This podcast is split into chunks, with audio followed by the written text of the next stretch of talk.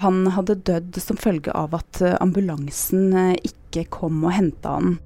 Hun som forteller her, er Ida Titlestad Dalbakk, NRKs Afrika-korrespondent. Da han ble syk og fikk pusteproblemer og, og, begynte å hoste, så eh, ringte de ambulansen, og de sa at eh, de ikke kunne hente ham fordi at det var eh, for fullt på sykehuset. I Johannesburg i Sør-Afrika har hun møtt mange som er berørt av koronaviruset. Bl.a. dette ekteparet, der mannen mistet broren sin. Så gikk det da tre dager, og eh, ambulansen kom aldri. De sa at det fortsatt var fullt. Til slutt så måtte eh, denne mannen kjøre broren sin til eh, sykehuset, og der ble han lagt på et iskaldt rom. Og, og der døde han da kort tid etterpå. Pandemien gir konsekvenser langt utover dødsfallene på kontinentet Afrika. Og nå er sykehuskapasiteten sprengt i flere land. Og dette var jo et stort eh, sjokk for dette ekteparet, eh, som fortalte at eh, dette familiemedlemmet da hadde vært en frisk mann som nesten aldri var syk. Eh, og som var veldig forsiktig med å bli smitta av covid-19. Eh, og som da en uke senere eh, ikke levde lenger. og slike historier har jeg hørt mange av i senere tid.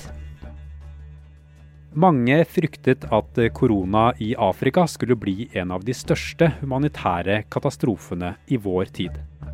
Så hva er status nå? Dette er forklart fra Aftenposten. Jeg heter Andreas Bakke Foss, og i dag er det tirsdag 25. august.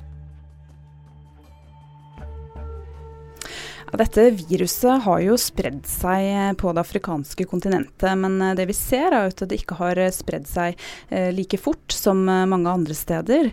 Og denne utviklinga var jo venta av Verdens helseorganisasjon, som forutså at, at det nok kom til å skje på denne måten. Den 14. februar så fikk Afrika sitt første bekreftede smittetilfelle med covid-19. Og det skjedde i Egypt. I Europa så gikk mange land i lockdown allerede i mars. Mens på det afrikanske kontinentet så tok det litt lengre tid før pandemien fikk fotfeste. Men det som har vært problemet i Afrika, er jo at eh, kontinentet har et veldig dårlig utbygd eh, helsevesen. Eh, og det er jo flere land som, som bare har en håndfull pustemaskiner da, på flere millioner innbyggere, og mange mangler utstyr til å behandle pasienter. så selv om man ikke nødvendigvis har hatt et like høyt tall på smittede, så er det mange land som har hatt problemer med å hjelpe de som eh, har blitt syke. I dag er det rundt én million bekreftede smittetilfeller i Afrika. Og den kurven har begynt å flate litt ut. I midten av august så hadde landene i Afrika sør for Sahara den største nedgangen i tilfeller i verden. Og spesielt stor har nedgangen vært i land som Sør-Afrika, Ghana og Nigeria. Samtidig så har det også vært noen land hvor man har sett en økning i tilfeller. Og et av de landene er Etiopia, som hadde en dobling i, i tilfeller um, nå nylig. Uh, men det skjedde jo da etter at Etiopia innførte en testingskampanje, hvor de prøvde da å teste 400 000 mennesker hver eneste dag. Um, og dette viser jo da at, at, testing har mye å si for disse offisielle tallene, og at det er store mørketall på kontinentet. Det er på ingen måte sånn at de offisielle tallene fra myndighetene alltid stemmer overens med virkeligheten. Flere steder på kontinentet så ser man en stor økning i dødsfall, og gravplasser fylles opp. Selv om myndighetenes tall er lave. Og I et eh, land som f.eks. Somalia, så har jo myndighetene gått ut med et eh, tall på døde under 100, altså noen og 90 døde som eh, følge av covid-19. Og, og, så er det medieorganisasjoner som BBC f.eks., som har snakket med folk på bakken. Altså eh, folk som graver graver på kirkegårder, som forteller at eh, man har hatt en kraftig økning i begravelser eh, den siste tiden.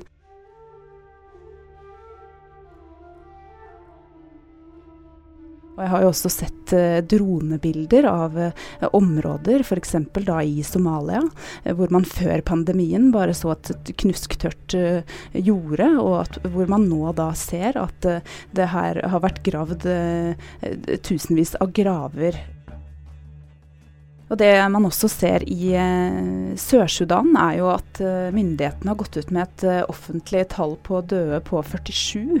Eh, men jeg snakket jo med en i Kirkens Nødhjelp som jobber i hovedstaden Juba, som fortalte at hun hadde langt flere ansatte nå som gikk i begravelser enn før pandemien. Så det er jo den type betraktninger da, som gjør at man nå ser at det, det kan være store mørketall mange steder. Store mørketall har også mye å si for eh, sykehusene, hvor det ikke er plass til alle som trenger hjelp. Og helsearbeiderne de må velge hvem som skal få overleve.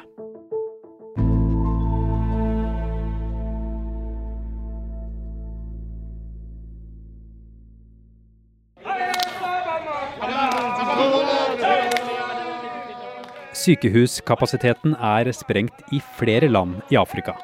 Og mange av sykehusene har ikke det utstyret som trengs for å bekjempe korona. Her hører du helsearbeidere protestere i Cape Town for å få bedre beskyttelsesutstyr til å kunne gjøre jobben sin. Og i store byer som Kampala i Uganda og i Kinshasa i Kongo, så forteller hjelpearbeidere at eh, det er fullt, og at eh, det er få respiratorer mange steder. I et land som Den sentralafrikanske republikk, så finnes det jo to pustemaskiner. Og det mangler jo også såpe og andre helt elementære hygieniske artikler veldig mange steder. Så dette er jo et stort problem for folk som prøver å følge restriksjoner og, og vaske seg slik som de blir bedt om å gjøre. Afrika er et gedigent kontinent, og koronasituasjonen er svært ulik fra land til land. Det landet som har aller flest tilfeller nå, er Sør-Afrika, med over 600 000 bekreftede smittede. Og tallene er også høye i Nord-Afrika, i land som Egypt, Marokko og Algerie. Men det er nok også fordi at eh, disse landene er flinke til å teste, at de kommer såpass eh, høyt opp på statistikken. Eh, så, så det man ser generelt, er jo at tallene på smitta er størst i nord og i sør på kontinentet. Never before in the history of our democracy has our country been confronted with such a severe threat. Sør-Afrikas president Cyril Ramfosa holdt pressekonferanse om landets koronasituasjon i midten av august. A situation that has demanded an extraordinary response and much sacrifice. Nå har de lettet på restriksjonene, men eh, da pandemien slo til for fullt, så måtte også de iverksette strenge tiltak for å bekjempe pandemien.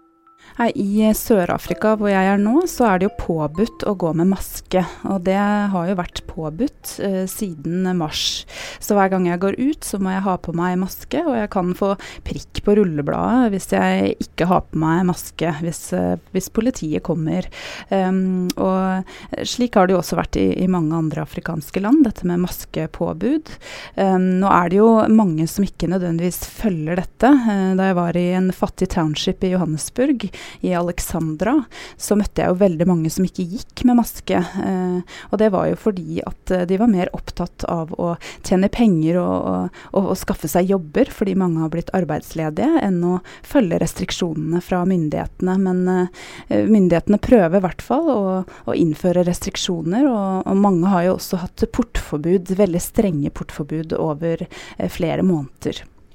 Et viktig tiltak i, i, Norge og Europa har jo vært eh, å teste så mange som mulig. Hvordan er testkapasiteten i de ulike afrikanske landene? Generelt så er eh, testkapasiteten veldig dårlig, eh, og mange steder så eh, er den jo rett og slett ikke-eksisterende. I mange afrikanske land så er det eliten som har råd til å teste seg. Her i Sør-Afrika f.eks., hvis man skal teste seg privat, så koster det ja, i overkant av 800 kroner. Og det er veldig mye for folk som, som er arbeidsledige, som går på sosialstønad. Og um, dette er noe som er vanskelig for mange vanlige folk folk å få til hvis de da ikke klarer å teste seg offentlig. Eh, det er jo ti land i Afrika som eh, står for rundt 80% av testinga på kontinentet. Eh, og der er jo bl.a. Sør-Afrika, Marokko og Egypt og Nigeria blant disse. Så det er veldig få land som, som tester mye, og generelt ellers så er testinga veldig dårlig.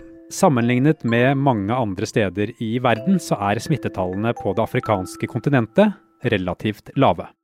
Og nå spekuleres det i hva som kan være grunnen til det. Det er ingen helt klare svar eh, på dette foreløpig. Man eh, trenger jo å undersøke dette nærmere. Um, men noen har jo påpekt at Eh, afrikanere reiser mindre enn eh, mange andre. Um, et kontinent som Latin-Amerika, der er det jo mange som reiser til fra Europa, USA og andre steder i verden. Mens den gjengse afrikaner uh, har jo ikke alltid råd til å reise så mye. Det er jo store deler av befolkningen som er fattige mange steder, og som ikke har satt seg i et fly i hele sitt liv. så flyreiser er jo ofte for eliten da, og for eh, middelklassen i Afrika. Eh, og det er jo ikke størsteparten av befolkninga. Um, så det er noen som har påpekt at det har gjort at uh, viruset da ikke har uh, spredd seg fra folk som har kommet inn i landet like mye på det afrikanske kontinentet. Um, ellers så er det jo også mange afrikanske land som har innført portforbud, og det har jo hatt en veldig god effekt, sånn som her i, i Sør-Afrika, hvor man har klart å bremse spredningen av virus eh, fordi man hadde et såpass eh, strengt eh, portforbud. Så det er flere årsaker til at dette er annerledes på det afrikanske kontinentet.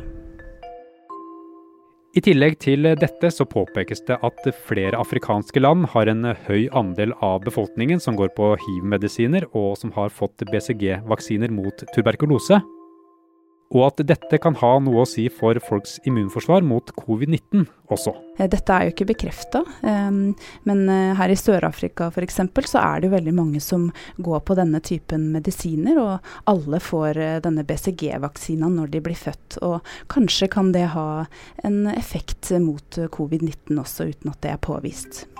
Men slik det ser ut nå, så kan det være ringvirkningene av smitten som vil gi de mest merkbare konsekvensene videre. Ja, det er jo trolig at uh, smitten vil fortsette å spre seg. Det er jo ikke noe tegn på at den slutter å gjøre det. Uh, og at Afrika kan bli hardt hardt ramma pga. dårlig utbygd helsevesen mange steder. Um, håpet er jo nå blant mange at det kommer en vaksine før det sprer seg altfor mye. Jeg tror jo at um, denne pandemien vil få veldig store konsekvenser for Afrika, eh, særlig når det gjelder økonomi. Uh, mange har jo mista jobbene sine nå, og disse portforbudene har jo gjort det vanskelig å skaffe seg mat og inntekter. Og FN har jo også varsla at pandemien vil vil få konsekvenser for matsikkerheten. Um, og det vi også har sett, er at kjønnsbasert vold har økt, og at uh, i flere land så er det flere kvinner som har blitt drept under pandemien, uh, sånn som i Kongo, enn det det vanligvis er. Så jeg tror at denne krisen også kommer til å få store konsekvenser, også på områder som ikke dreier seg om covid-19 helt konkret.